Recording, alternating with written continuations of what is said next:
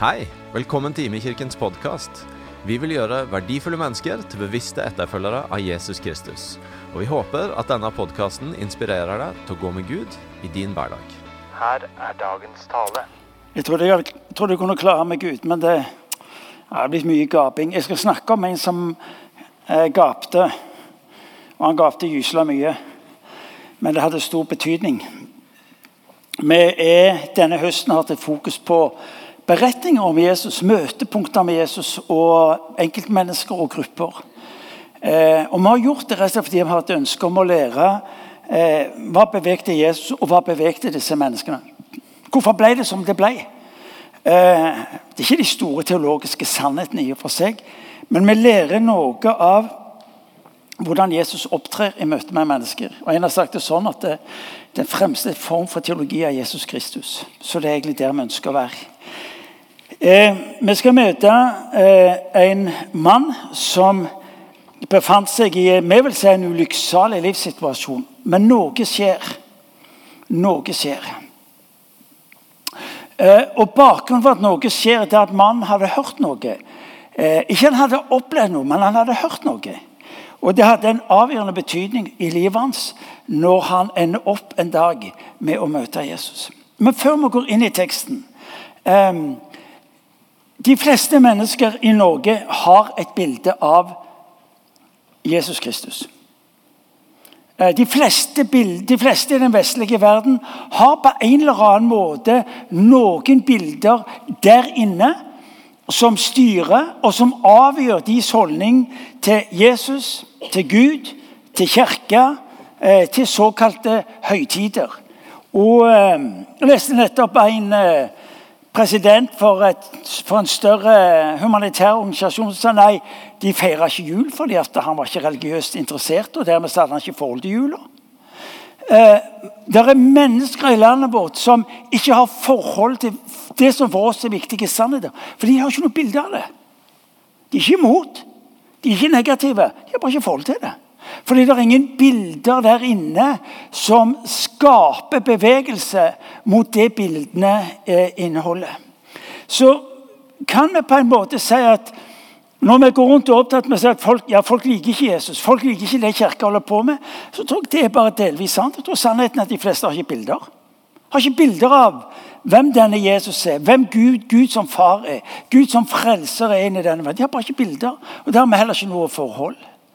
Og det skal få lov til å både utfordre oss og hjelpe oss til å um, kanskje tenke eh, Kanskje skal ikke Kirkas viktigste oppgave være å gi folk nye bilder av denne Kristus. Eh, personen vi skal møte i dag, han, er, han sitter ved landeveien for det meste. Hver dag, bare for lørdag, for da er det sabbat. Og Han møter mange forskjellige mennesker. mange forskjellige Mennesker Mennesker som er i ulike livsfaser, mennesker som er opptatt med viktige tema. Eh, men denne dagen er litt spesiell, for denne dagen er det mye folk. Og Det er tydelig at de er opptatt og engasjert fordi de er i bevegelse med en Jesus Kristus. Og Nå skal vi gå inn i teksten slik som den fremstår fra Markus evangeliet, kapittel 10, vers 1. 46. Der leser vi om at da Jesus og eh, disiplene kom til Jeriko Jesus dro ut av byen sammen med disiplene og en stor folkemengde. Der satt det en blind mann ved veien og tigget. Han het Bartimeus, sønn av Timoteus. Timeus. Da han hørte at det var Jesus fra Nasaret som kom, satte han i ropet, 'Jesus, du Davids sønn, ha barmhjertighet med meg.' Mange snakket strengt til ham og ba nummer ti. Men han ropte bare enda høyere. Jesus, du Davids sønn, ha barmhjertighet med meg. Da stanset Jesus og sa, be han komme. Be han om å komme hit. De ropte på den blinde og sa til ham, vær ved godt mot, reis deg, han kaller på deg. Mannen kastet kappen av seg, sprang opp og kom til Jesus. Hva vil du jeg skal gjøre for deg? spurte Jesus. Den blinde svarte, 'Rabbuni, la meg få syn igjen.' Da sa Jesus til ham, 'Gå, du. Din tro har frelst deg.' Straks kunne han se, og han fulgte med Jesus. Denne teksten er på mange måter uhyre interessant, og den er litt sånn type provoserende. Fordi at når han hører hva som holder på å skje langs den veien hvor han sitter, så begynner han å rope. Hvorfor i all verden ropte han? Han kunne jo ha bedt de som gikk der på den veien, om hjelp. Du, jeg hører det, denne Jesus kan, kan dere hjelpe meg? Nei, han opplevde jo det han begynte å rope, så ble han avvist. Og det er godt mulig at han på forhånd visste at hvis han tok initiativ, så ville han bli avvist. Dette er den menigheten som følger Jesus. Og det er uhyre interessant. Det er menigheten som egentlig avviser Bartimeus. Han spurte ikke fordi han visste kanskje at han ville bli avvist. Men hvorfor roper han? Jo, fordi han hadde et bilde av denne Jesus som gjorde at uansett Jeg roper. Og det var ikke sånn Jesus, kjære Jesus. Jesus! Han er noe cirka sånn. Og sikkert enda høyere. Mye folk. Mye støy. Og han hadde en drive på at han skulle bli. Hva i all verden er det som får et menneske Det er der på landeveien med mye folk, og plutselig å opptre så usivilisert? Fordi han hadde fått et bilde av denne Jesus. Det er uhyre interessant det denne teksten egentlig tar oss inn i. Noen hadde fortalt om Jesus, hva han sa, hva han gjorde. Og Bartumeus forsto hvem han hadde med å gjøre. Og så roper han dette trosropet over alle de menneskene på jorda. Og så er det dette intense. Jesus. No way. No way. Jeg kaller det trosropet fordi det er knytta nettopp til Jesus. Til tider så har jo vi kristelige vi har sett, vi har vært mer tiltrukket av det såkalt lavmælte. Dette stille, anonyme. Litt sånn forsakte. Mer enn ropet. Men salmisten er opptatt med at vi skal rope. Poenget er at ropet fra Bartimeus skyldes jo at han hadde fått bilde av Jesus. At derfor han ropte. Han visste hvem han ropte på. Han hadde aldri møtt han. Han hadde aldri erfart han. Men han hadde hørt om han. Historiene fra andre mennesker som hadde sett og opplevd Jesus, hadde funnet bolig i huet på Bartimeus. Og når han hørte at Jesus var i nærheten, så skapes det rot. trosrop trosropet Jesus.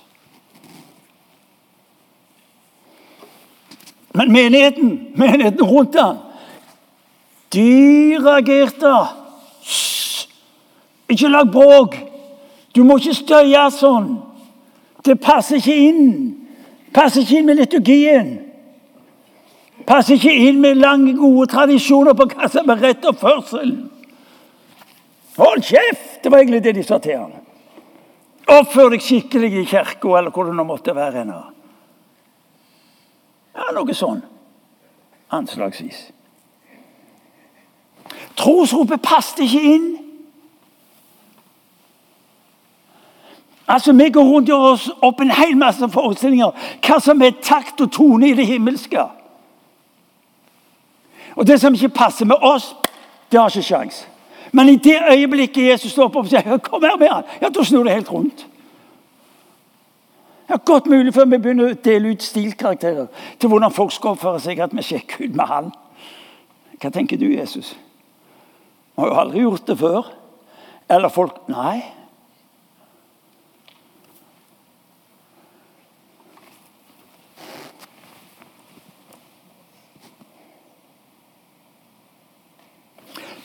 Hør nå.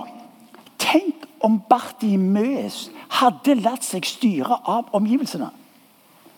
Tenk om Bartimeus hadde vært sånn ja, tenk, tenk, tenk hva de sier. Eller hva vil folk tenke? Eller hva vil de gjøre med meg hvis jeg gjør sånn og sånn? Tenk, tenk om Bartimeus hadde lært seg styre av omstendigheter og av omgivelser.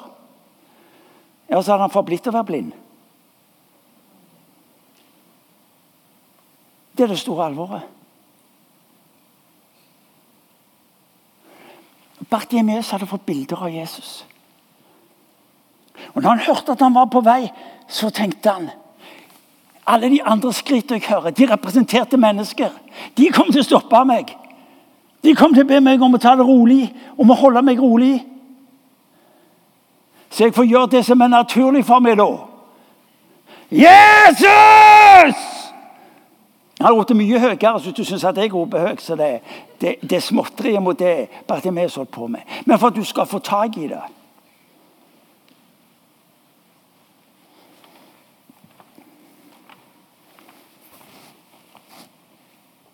Bartimeus hadde forblitt å være blind.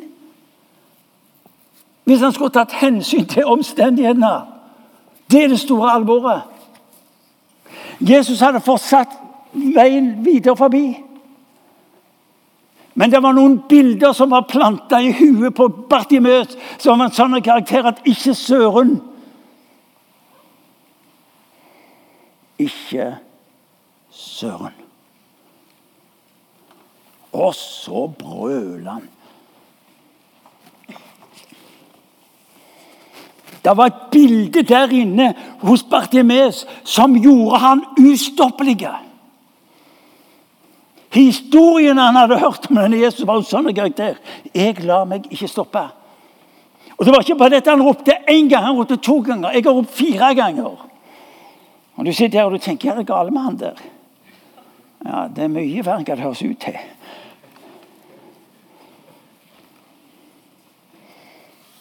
Hør nå. Bartimeus vågte uttrykket fordi bildene han hadde av Jesus, forma hans måte å opptre på. Det er noe der. Det er noe der.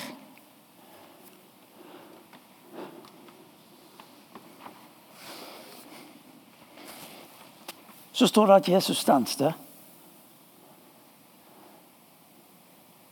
Vet du hva kristendom er i essens?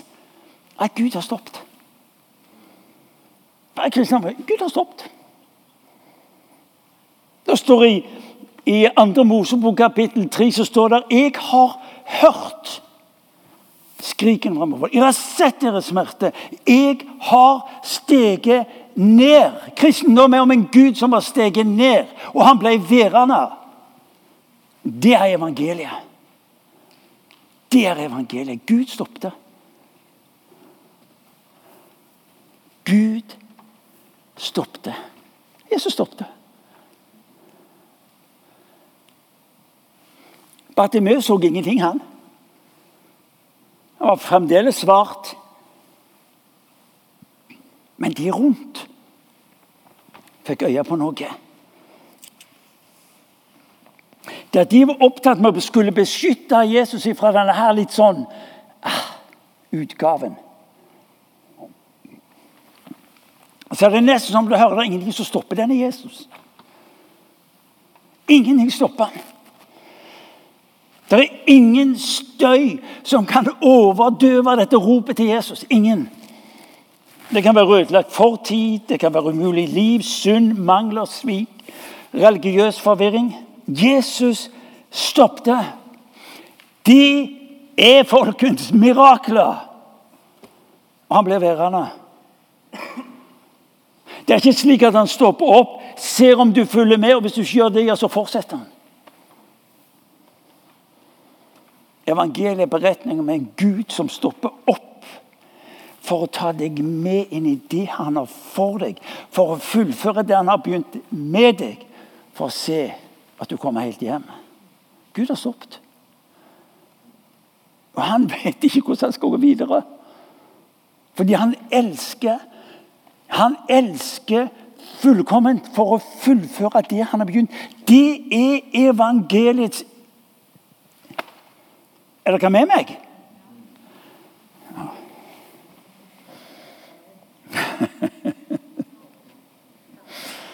Ja. ja.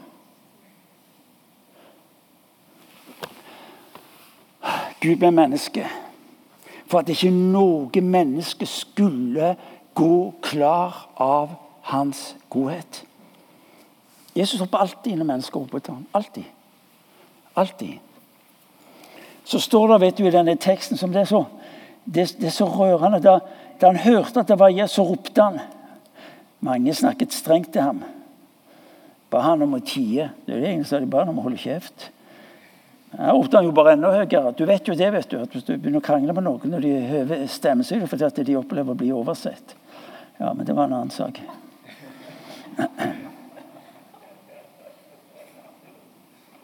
Da ropte de på den blinde. Sa til ham, 'Vær ved godt mot'. Legg merke til de stille. Og så ja, 'Vær ved godt mot'. Han roper på deg. Kan de skifte side? Merkelig, denne menigheten. Men det står han kasta kappen. Han kasta kappen. Altså For oss i norsk kultur så sier jo ikke det noen ting. Men inni denne jødiske kulturen betydde det alt. Fordi kappen var for Bartimeus noe langt mer enn et plagg. Tiggerkappen var hans forretning. Det var hans inntektskilde. Det var hans trygghet, garanti for omsorg og hjelp. Tiggerkappen var for Bartimeus hans godkjenningstegn opp mot samfunnet. Han var godkjent som tigger. Han var godkjent som tigger. Nå kaster han den. Nå slipper han tryggheten for ja, om du vil. Han visste ikke hva, men han kaster den. Fordi han har fått noen bilder ved de historiene han hadde hørt om denne Jesus, som gjorde at han kasta det som var tryggheten. Uhyre interessant. Uhyre interessant. Han kasta det. Bartimeus så noe som han ennå ikke hadde. For de bildene han hadde av denne Jesus, var med sånne greier. At han så det. Og Det er jo slik det ofte er i Guds rike. Du ser det ikke for du tror det, sier Bibelen. X-File sier du, du. Du tror det ikke for du ser det.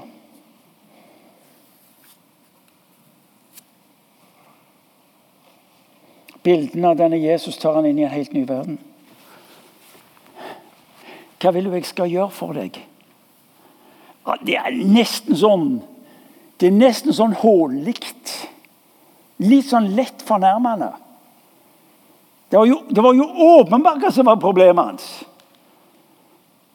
Den gaulinga sier jo noe om Ja, hva vil du skal gjøre for deg? Det var et dumt spørsmål. Første gang jeg leste den, tenkte jeg jeg synes, det der er for dumt. Du ser jo hva som er problemet hans. Og hvorfor spør du? Kanskje er det fordi at Bartimeus ikke skal knyttes til en hendelse, til en helbredelsesmaskin, men til Jesus. Relasjonen. Relasjonen. Kanskje også fordi at Bartimeus skulle bevisstgjøres på valget han tar, behovet og konsekvensene av å la Jesus få lov til å slippe til livet hans. Han kaster forsikringen. Han, han, han, han kaster vekk det som var tryggheten hans. Han lukker døra til alt han behersker. Nå var han trygg. Det han var trygge på, sier han nei til. Forretningsdriften. Det stabile. Fra det øyeblikket var livet hans aldri det samme. Ikke primært pga. blindheten ble helbredet, men møtet med Jesus. Det tar han inn på en, ut på en vandring som i det øyeblikket hvor han flytter tryggheten ifra seg sjøl og over til denne Jesus. Å bli en kristen er å skifte adresse, er det en som har sagt. Men hør nå. Vitnesbyrdet fra mennesker som får et møte med Jesus Kristus, for mange, er for mange også svært utfordrende. Jeg husker ennå eh, våre gode venner Ellen og Larry Crouch med, eh, var sammen med de i flere år gjennom til Leios. Eh, Larry forteller at han en gang er, er ha møter. og Han har opplevd det gjennom sitt liv å få lov til å bety, så, bety mye for mange som var syke. Og så forteller Larry at En gang så opplevde han virkelig på hvordan Guds ånd slo ned med kraft, og mennesker ble helbreda i hopetall. Og, og, de sto i kø når han skulle be for disse her. Og alle ble momentant, Etter hvert som man ba for dem, ble momentant helbreda. Helt spesielt sånn. Jeg har aldri opplevd noe lignende. Så de gikk, ble bedt for, og så gikk de, ble, nesten ble bedt for. Til slutt så kommer det en fram som sitter i rullestol, og så sier han til Larry jeg vil ikke bli bedt for. For jeg vet ikke hva jeg skal gjøre hvis jeg blir frisk. Nå har jeg, nå har jeg trygda mi. Nå har jeg den type sikkerhet med hensyn til leilighet osv. Men hvis jeg blir frisk, så vet jeg ikke hva jeg skal gjøre. Og så forteller Larry at han ser på han, og så triller han ut av kirka og blir værende i rullestolen.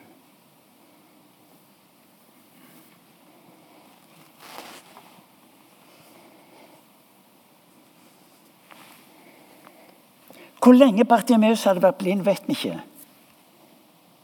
Men han var kjent. Kanskje hadde vært mulig, kanskje hadde han vært eh, blind hele livet. Det er interessant, og dette er en type parentes. Han ber jo ikke om helbredelse for Bartimeus. Han sier bare til Bartimeus 'Du har tro, du', sier han. Bare gå. Gå, du. Det er ditt ansvar. Det er noe vi skulle handle. Er det det?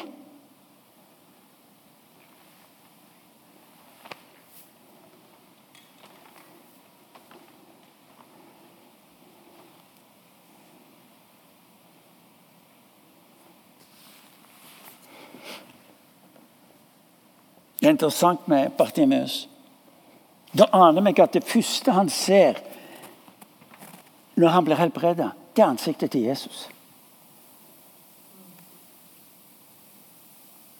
Det har vært en underlig opplevelse.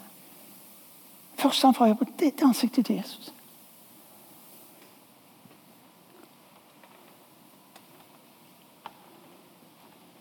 Nå ser han fysisk det bildet han hadde i sitt indre. Og som hadde tatt han inn i en ny verden. Jesus. Greia er den at Hvis ikke du og meg får nye bilder av hvem han er, så vil du, du, og meg heller ikke våge å handle på det han ønsker å ta oss inn i.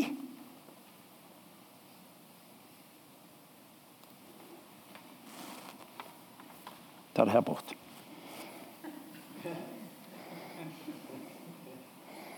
Hvis du og meg ikke får nye bilder om hvem han er, vil vi heller ikke våge å handle på det han inviterer oss inn i. Vi gjør ikke det. Vi er litt fornuftige og har kontroll på livet våre.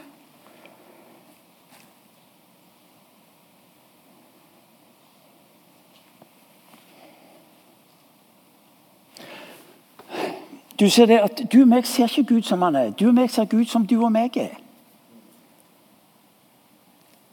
Det er gyselig godt sagt. Jeg har sikkert ikke funnet på det sjøl, men det er ikke mindre godt for det.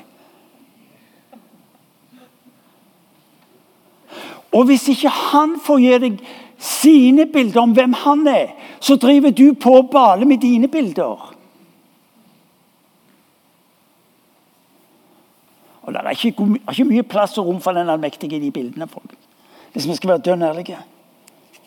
Men det er derfor det er derfor Paulus i Efeserbrevet ber for menigheten at de skal få åpne øyne, så de kan se og forstå. At Gud må gi dem åpenbaringsånd om hvem han er.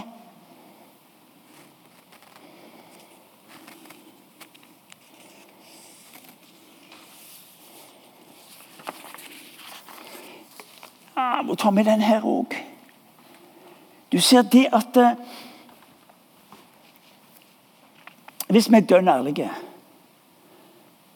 så sitter de fleste av oss og så har vi valgt de bildene vi vil ha. Er du med? Er det slik at vi ser kommer ofte an på hva vi vil se? Så velger vi ofte det bildet av Gud som passer oss. Altså at vi er skapt i Guds bilde, men ofte så ble vi ble vår reaksjon at vi skapte han eller putta han inn i vårt bilde? Det er to forskjellige ting, det. Det er to forskjellige ting. Og så blir bildene vi ofte har, en beskyttelse mot nettopp Gud. Jeg vet jo ikke hva han kan finne på. Irene, hadde Irene vært der, så hadde hun reist og sagt det helt sånn. Irene sa for mange år siden, det var før hun traff meg, etterpå ble det bare mye verre Irene kona mi til dere som ikke vet det. Hun sa du var jo så livende redd for at Gud skulle gi henne et kall til å skulle bli misjonær. Hun hadde bilde av Gud som den som ville ta henne inn i noe hun definitivt ikke ville. For hun kunne ikke, hun hata slanger.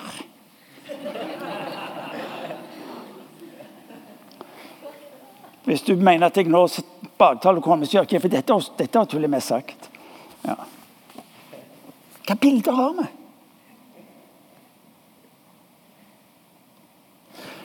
Kanskje er en menighets største fare det å gå rundt og tro at de har de fullkomne bilder av vår Herre, og that's it, det er ikke noe annet enn kontroll, det. Det er ikke noe annet enn kontroll. Jeg som har levd lenge nok og lenger enn de fleste av dere, det er òg litt interessant å tenke på. Ja. Det betyr ikke at jeg nødvendigvis er klokere, men, men i hvert fall erfaringene. Alle de gangene jeg har hørt folk si 'ja, jeg er ikke trygg på det der'. Ja, så skal han ha med allmaktens Gud å gjøre, og så skal han sitte der som et støv i universet og si 'jeg vet ikke om jeg er trygg på han der skaperen'. Hva bilde er det? Er du med? Altså, hva, hva bilde er det? Jo, den forventningen en om at allmaktens Gud skal handle i henhold til de rammene jeg setter opp for ham. Det er ikke noe annet enn kontroll.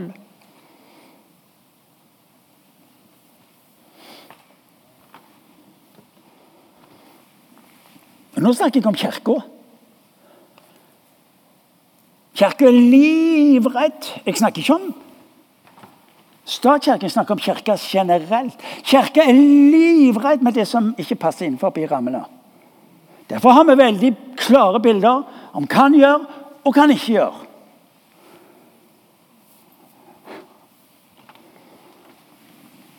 Have mercy, Lord, ville de sagt i andre land. Du ser det at De fleste av oss bærer jo bilder formet av oppvekst, tradisjon, miljø, erfaringer.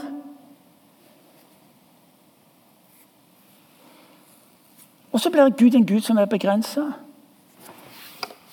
Derfor hørte du brølinger ifra Bartimeus. For han hadde bilder som var litt sånn type uklare i kanten. Og derfor så smalt det. Hva er ditt rop? Du, når du stiller deg opp sida av Bartimeus, og du sitter der støvete i, i, i veikanten, og, og, og han, han, skjønner at det er en Jesus forbi, og, og han har ikke greie på Jesus, hvem Jesus var. Han har aldri truffet han eller erfart noe med han, men det var tydelig at han Og du sitter ved sida av han, og du tenker 'Hva skjer nå?' Og Der reiser Bartimeus seg, og så begynner han å brøle. Og du sitter der og du tenker Hva i all verden er det som skjer? Hva er ditt rop? Hva er ditt rop? Kanskje vi skulle finne noen som Eller kanskje vi skulle omskrive liturgiheftene våre fra kirke og bedehus. Og så gjør vi beretningen fra veistubben ut forbi Jeriko som utgangspunkt og sier det frie ropet er tillatt. Be pleased. Du er så leik. Ja, det er noe sånn. Altså, Pinsevennene Pinsevennene hadde jo noe av den der driven. er du med? Men så har jo de blitt mer og mer like oss lutheranere. vet du. Det er jo ei plage. Ja, men det er sant, det er jo ei plage. For det, det blir sånn type Jeg er kontrollfrik. Jeg var på fotballkamp en gang med en god venn av meg. Han var vikingpatriot langt over normalen. Ja, så en sesong hvor Viking tapte det meste, og så var jeg på fotball. Dette var gamle fotballstadion, så da, skjønner du det lenge siden. Du sier, men Sånn har det jo alltid vært. At- ja, det var en Og så skårer Viking mål. Og han vet, oh! og du vet hele stadion Alt er oppe i den delen av byen. Det var en som brølte. Og jeg satt der. Dønn rolig. Sa ikke et ord. Og så ser han på meg og sier 'Hva er så galt? Er du syk?'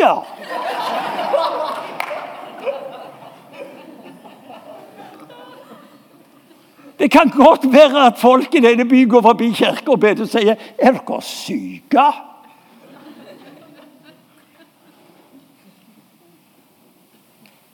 Hvis de kan brøle som galne på en fotballkamp, så det foreligger det denne bibelske formaning 'rop med fryd'. for Herren. Ja, kanskje vi skulle ha sånn kurs. Vi har kurs i profeti og i forbønn. Nei.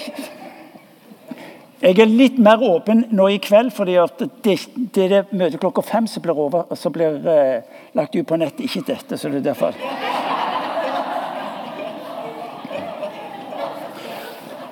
Men du, hør nå. Hør nå. Hør nå. Hva er ditt rop? Hva er ditt rop når du er syk? Når du kjenner på smerten, når du kjenner på fortvilelsen, når du kjenner på urettferdighet, når du kjenner på det som skulle vært annet, hva er ditt rop? For det er egentlig det vi lærer av denne fyren utenfor Jeriko.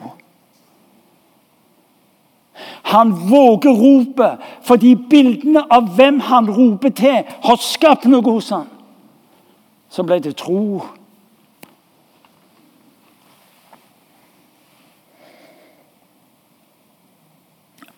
Jeg holdt nesten på å si La denne tida få lov til å ta deg til Jesus på en slik måte at han gir deg nye bilder.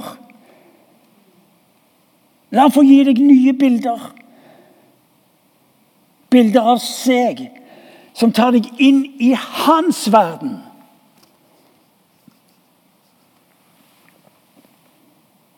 I møte med nederlaget. Hva er ditt bilde, dommeren? I møte med mørket som du ser i ditt eget liv, ser du bilde av han som straffer. I møte med den fastlåste situasjonen ser du konsekvensen av egen svakhet. I møte med sykdom og nød, nød ser du bilde av en Gud som er taus og fraværende. Hva er ditt bilde? Fordi at det bildet du har av Gud, vil avgjøre ditt rop.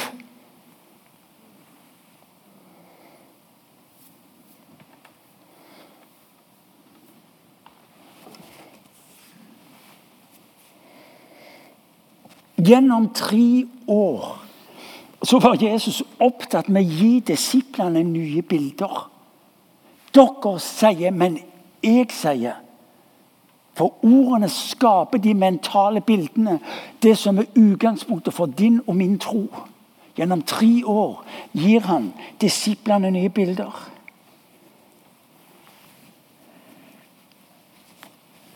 La oss utfordre hverandre. Er det mulig at det norske folket ikke våger å rope etter denne Jesus pga. kirka?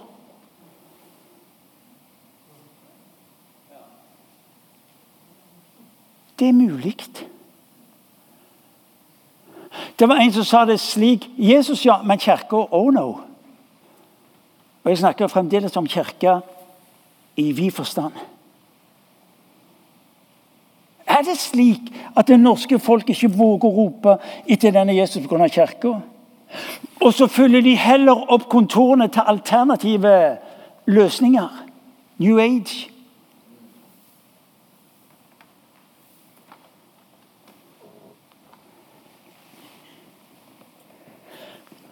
At folket ikke lenger roper fordi de har ikke hørt våre historier. Vi er så opptatt av at vi skal vinne og alt det der. Ja, alt det der er greit for meg. Men det er godt mulig at den beste måten å vinne mennesker på, det er bare å fortelle din historie. Fortell din historie. Fortell din historie. Ikke mer komplisert. God venn av meg, Ingebjørg Lindheim, for mange år siden gikk rundt i Bergen med en mikrofon og så forteller hun Det var før påske, og så stilte jeg dem ett spørsmål. Når du hører ordet Jesus, hva tenker du da? Og i de fleste tilfeller så ble de stående helt stille. Svært mange av dem begynte rett og slett å gråte. sa hun. Fordi at det navnet bar så mye. Enten av smerte, av ting de hadde opplevd, eller av håp som de hadde mista.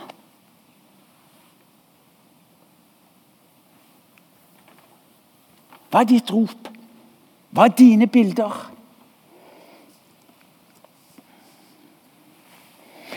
En gang til.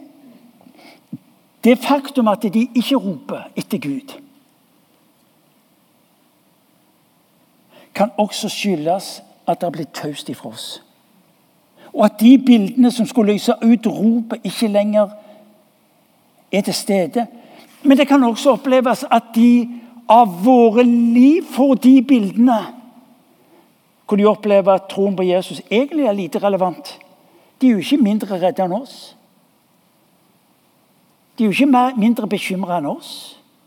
Og så sier de at de er jo helt like meg. Men jeg slipper jo tross alt alt det der de sliter med, som de skal ha orden på i sitt liv for å møte en eller annen Gud. Og så opplever de kristendom som relevant, irrelevant. At ryktene og historien om han er fraværende. Og de har aldri hørt noe som minner om at han er Gud. Det var mange tiggere på, på, på Jesu tid og Bartimeus sin tid. Men det var bare Bartimeus og noen få andre som ropte.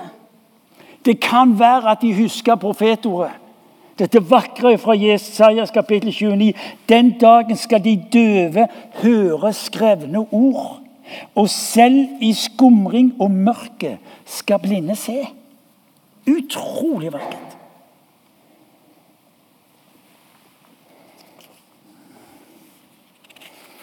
Jeg vet ikke hva som er din situasjon, men denne din situasjon kan være Guds mulighet til å ta deg inn i det han har for deg. Hva vil det si å være en kristen? Å være en kristen og være underveis med nye bilder. Er du robot, så er du programmert. Men er du en etterfølger, så er det de nye bildene du får med å være sammen med Han, som vil ta deg videre framover på din vandring. Når du lar Gud gi deg nye bilder av hvem han er, hvem han vil være i ditt liv, vet du hva? da har du også historier å fortelle de som ikke kjenner han. La han få vise deg hvem han vil være i den situasjonen du er nå. Det er derfor Guds ord blir så viktig.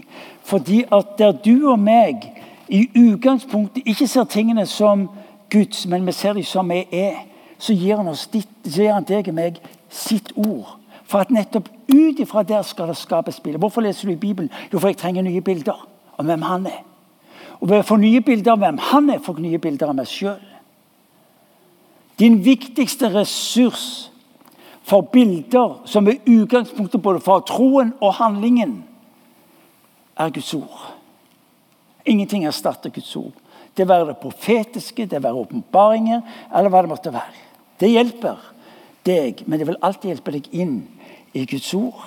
Derfor blir gudstjenesten så viktig, fordi det er et sted jeg kommer nettopp for å høre historiene. Derfor blir huskirker så viktige. fordi at i huskjerker så er jo spørsmålet ja, hva har vi opplevd med Gud i den senere tid. Nå, om ikke du har noen historie å fortelle dine kolleger som går på ditt liv, så kan du fortelle hva i går kveld var jeg sammen med. Når vi har bønnelovsangsmøtene her om tirsdagen Historien jeg får deg, forteller du overalt hvor jeg treffer folk. Det er ikke mine historier, det er andre sine historier. Folk lengter etter historier som tar de ut av der de er i dagen og i øyeblikket.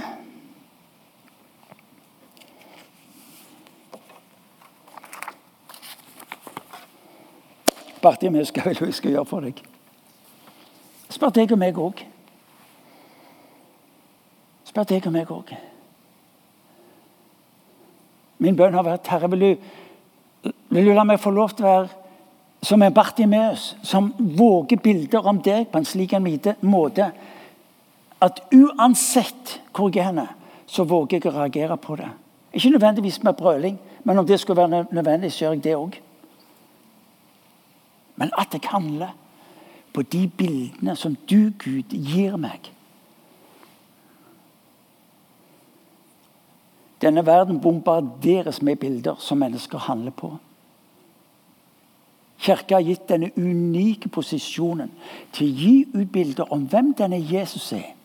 På en slik måte tror jeg at trosropet, enten høylytt eller stille, skal bli utløst i mennesker rundt oss på en måte vi aldri hadde trodd var mulig. At du og meg venter på vekkelsen, at du og meg venter på en eller annen berømt vekkelsespredikant, sier Gud, fortell din historie. La mennesker få tak i dine bilder. La oss be. Kan vi reise oss, og så ber vi?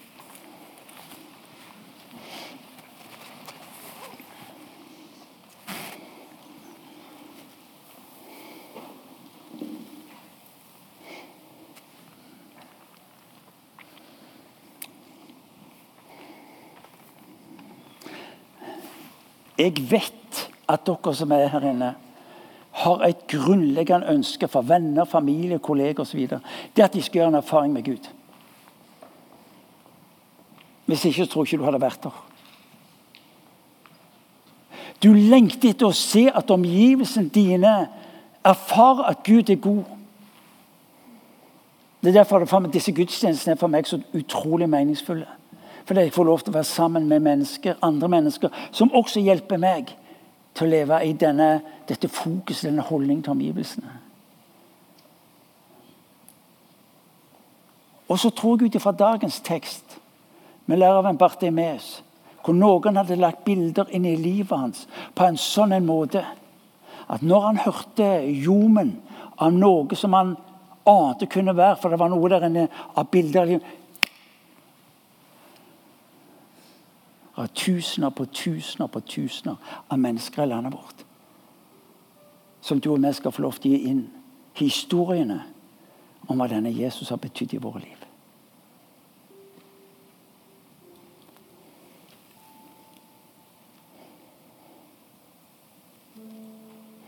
Kan jeg utfordre deg på en bønn? Og den er Herre, vil du gi meg nye bilder av deg på en slik en måte, Gud, at det både kan ta meg videre, men også sette mennesker fri til å følge deg.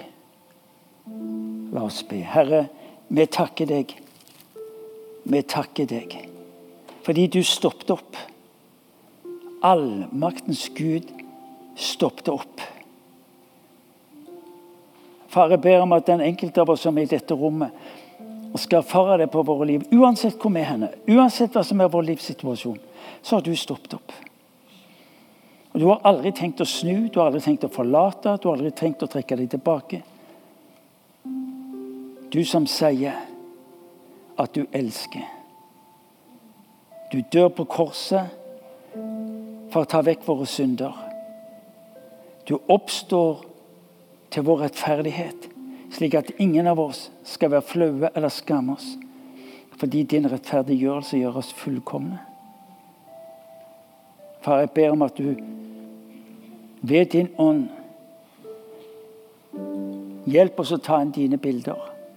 Ved ordet, ved fellesskapet og ved den måten vi lever ut det i vår hverdag. Far, vi ber om det i ditt navn. Vi ber for våre venner.